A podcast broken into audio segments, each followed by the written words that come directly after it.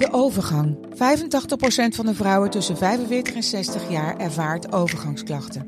Klachten die kunnen leiden tot een verkeerde diagnose of langdurige arbeidsongeschiktheid. Wat kun je doen als je overgangsklachten ervaart? Hoe maak je dit bespreekbaar op je werk? En als jouw medewerker bij jou komt, wat kun je als werkgever dan doen? Sector Instituut Transport en Logistiek heeft een kennisplatform ontwikkeld waar jij terecht kunt voor tips en adviezen.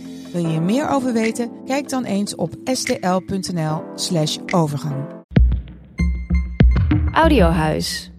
Hoi, ik ben Tina Nijkamp. Elke werkdag blijf je op de hoogte van de kijkcijfers, het medianieuws en hoor je mijn kijktips. Dit is Tina's TV-update. Het is 26 februari, een nieuwe week en dus ook een nieuwe podcast met kijkersvragen, een kijktip kijkcijfers. Maar nu eerst het medianieuws en ik begin met Wie is de Mol? En we zagen afgelopen zaterdag dat Rian Gerritsen uh, ja, het spel moest verlaten. Ze had te weinig vragen goed beantwoord bij die test en uh, dus moest ze weg. En uh, ze heeft een interview gegeven over haar Wie is de Mol tijd. En opvallend is, vond ik toch wel heel opvallend om te lezen, is dat blijkt dat zij die hele opnametijd hartstikke ziek is geweest. Zij heeft zelfs onder de pillen gezeten al die weken lang. En het bleek al vlak na aankomst dat ze een parasiet heeft. En uh, ook maanden na de opnames van Wie is de Mol heeft ze daar nog last van gehad. Dus terwijl zij al die moeilijke en intensieve spellen aan het doen was, had zij gewoon uh, last van een parasiet. En was ze blij, vertelde ze in dat interview, als er een wc in de buurt was. Ook vertelde ze dat alle andere deelnemers ook één dag hartstikke ziek zijn geweest. Maar dat bleef bij één dag voor hen. Maar ook die lagen er dus, zoals dat heet, helemaal af. Ook vertelde ze in dat interview dat het bootje waarin ze zat, de afgelopen aflevering met Rosario, dat dat bootje is gezonken. Ook opvallend, want die beelden hebben we natuurlijk ook niet gezien. En uh, zelfs de zenders, de geluidszenders die, die de kandidaat altijd op hebben, vielen in het water, waren kapot. Dus dat is een heel gedoe geweest. Nou, over die beelden ooit nog gaan zien, dat weet ik niet. Maar uh, wellicht bij de finale of een keer bij allerlei bloopers op online of zo. Maar uh, ik vond het een opvallend interview en het is te vinden op nu.nl. Dan heb ik nieuws over Moordspel. Dat is dat uh, programma van SBS 6, wat afgelopen kerst, vlak voor kerst te zien was, waarin verschillende BN'ers, ja, weer BN'ers, uh, op zoek moesten naar wie de moordenaar was. Hè? Dus uh, een beetje Cluedo-achtig.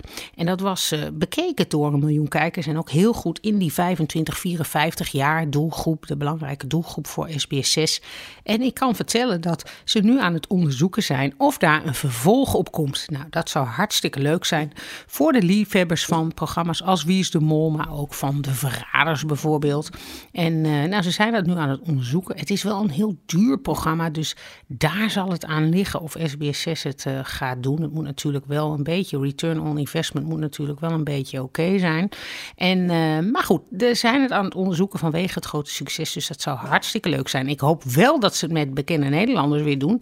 Want de verraders met onbekende Nederlanders, nee, dat is geen succes.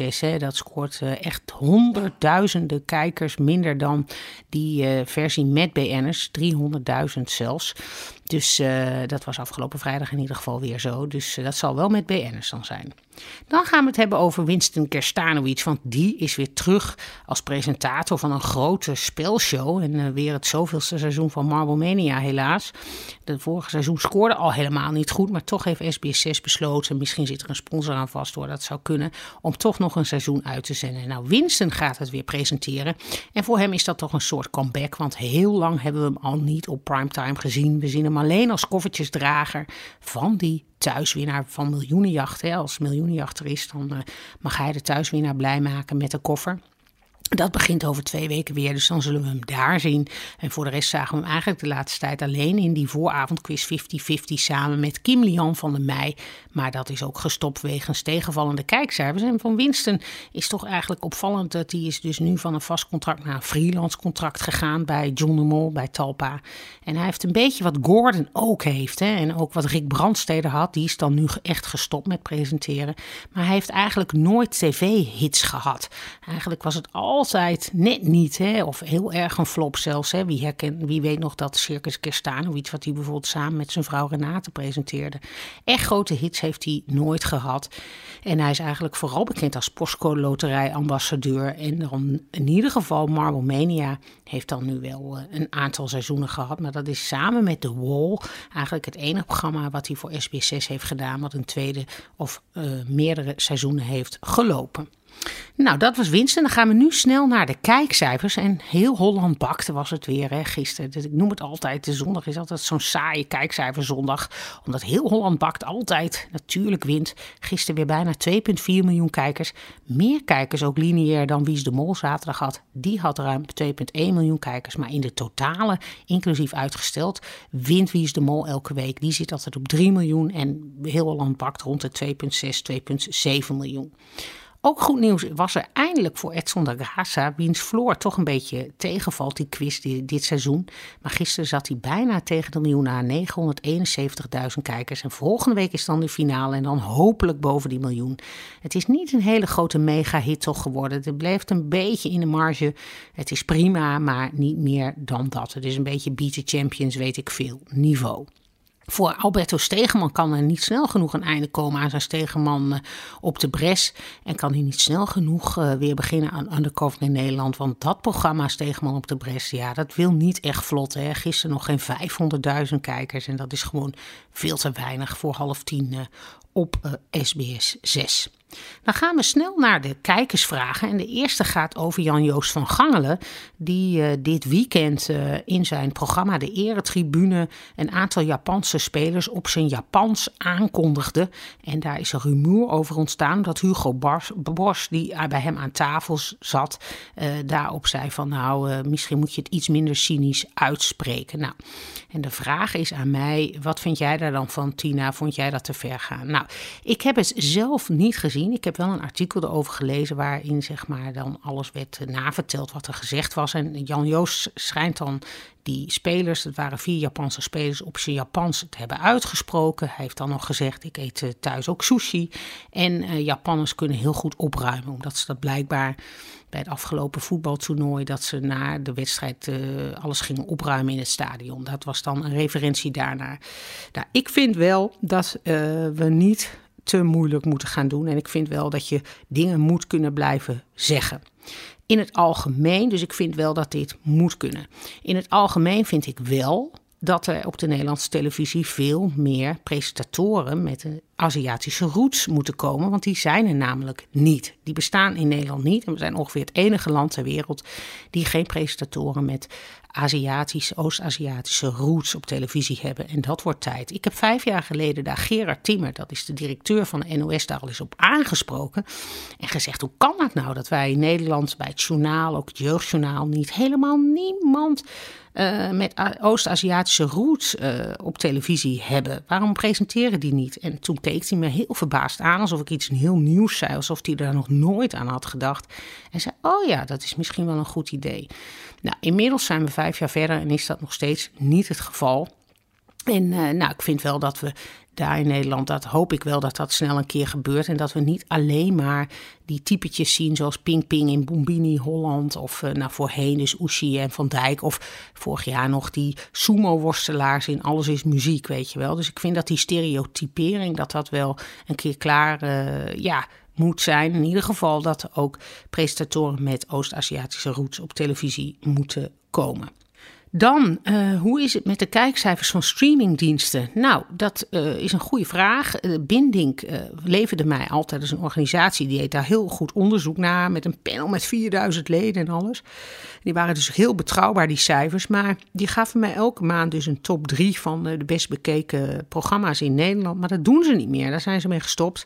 En ze mailden me dat ze dat niet meer doen, want ze gaan hun, ja, hun werkzaamheden verleggen. Nou, ze gaan andere dingen doen. Dus ze kunnen die dingen niet meer aan mij leveren. Nou, vind ik heel jammer. En dus ben ik ook afhankelijk van wat de top 10 uh, Videoland, uh, wat die zelf op hun eigen site zeggen als top 10. En bij Netflix doet dat ook. Dus ja, of dat waar is, dat weten we natuurlijk niet. En daarom was dat onderzoek van Binding wel heel leuk en heel uh, betrouwbaar, omdat dat gewoon extern was. Maar goed, nu zijn we dus afhankelijk van die streamingdiensten zelf. En we weten dat als ze willen, dat ze dat zouden kunnen manipuleren. Ze zeggen natuurlijk dat ze dat niet doen, maar ze heel zeker weten we het niet, want we kunnen gewoon niet bij die cijfers, omdat die niet openbaar zijn. Dus het is wachten totdat die cijfers ook in Nederland een keer openbaar worden. In Amerika doen ze er al wat minder moeilijk over. Maar uh, nou, we zullen zien. Het zal voorlopig nog wel even duren, denk ik.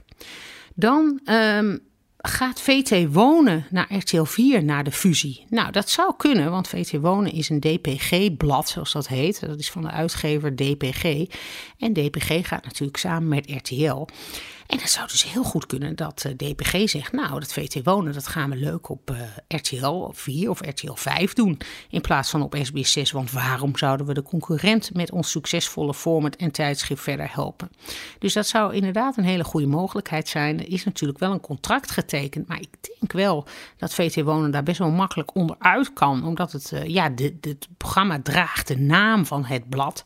En mochten ze dat niet willen, kunnen ze altijd zeggen: We stoppen met VT Wonen en dan gaan ze het vorm iets aanpassen. En dan zou het juridisch ook wel mogelijk moeten zijn om dat naar RTL 4 te gaan. Dus laten gaan. Dus ik denk dat dat inderdaad een hele goede mogelijkheid zou kunnen zijn. Dan heb ik tot slot nog de kijktip. En die kijktip is natuurlijk Chateau Meiland Vips. Dat start vanavond om half negen op SBS 6.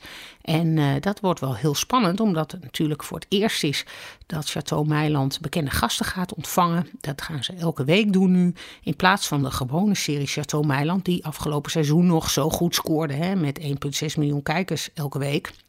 De vraag is, gaat dit dat ook scoren? Nou, ik denk wel dat het veel beter gaat scoren dan wat daar vorige week stond. Het Camping de Wildernis met Johnny de Mol. Maar of het 1,6 miljoen kijkers haalt, ik denk dat dat heel erg afhankelijk is van de gasten. En uh, ik vermoed eigenlijk dat het toch wel ietsje lager gaat scoren dan een reguliere serie. En uh, vandaag zal het wel goed scoren, want komt Caroline van der Plas en John de Bever. En het is de eerste.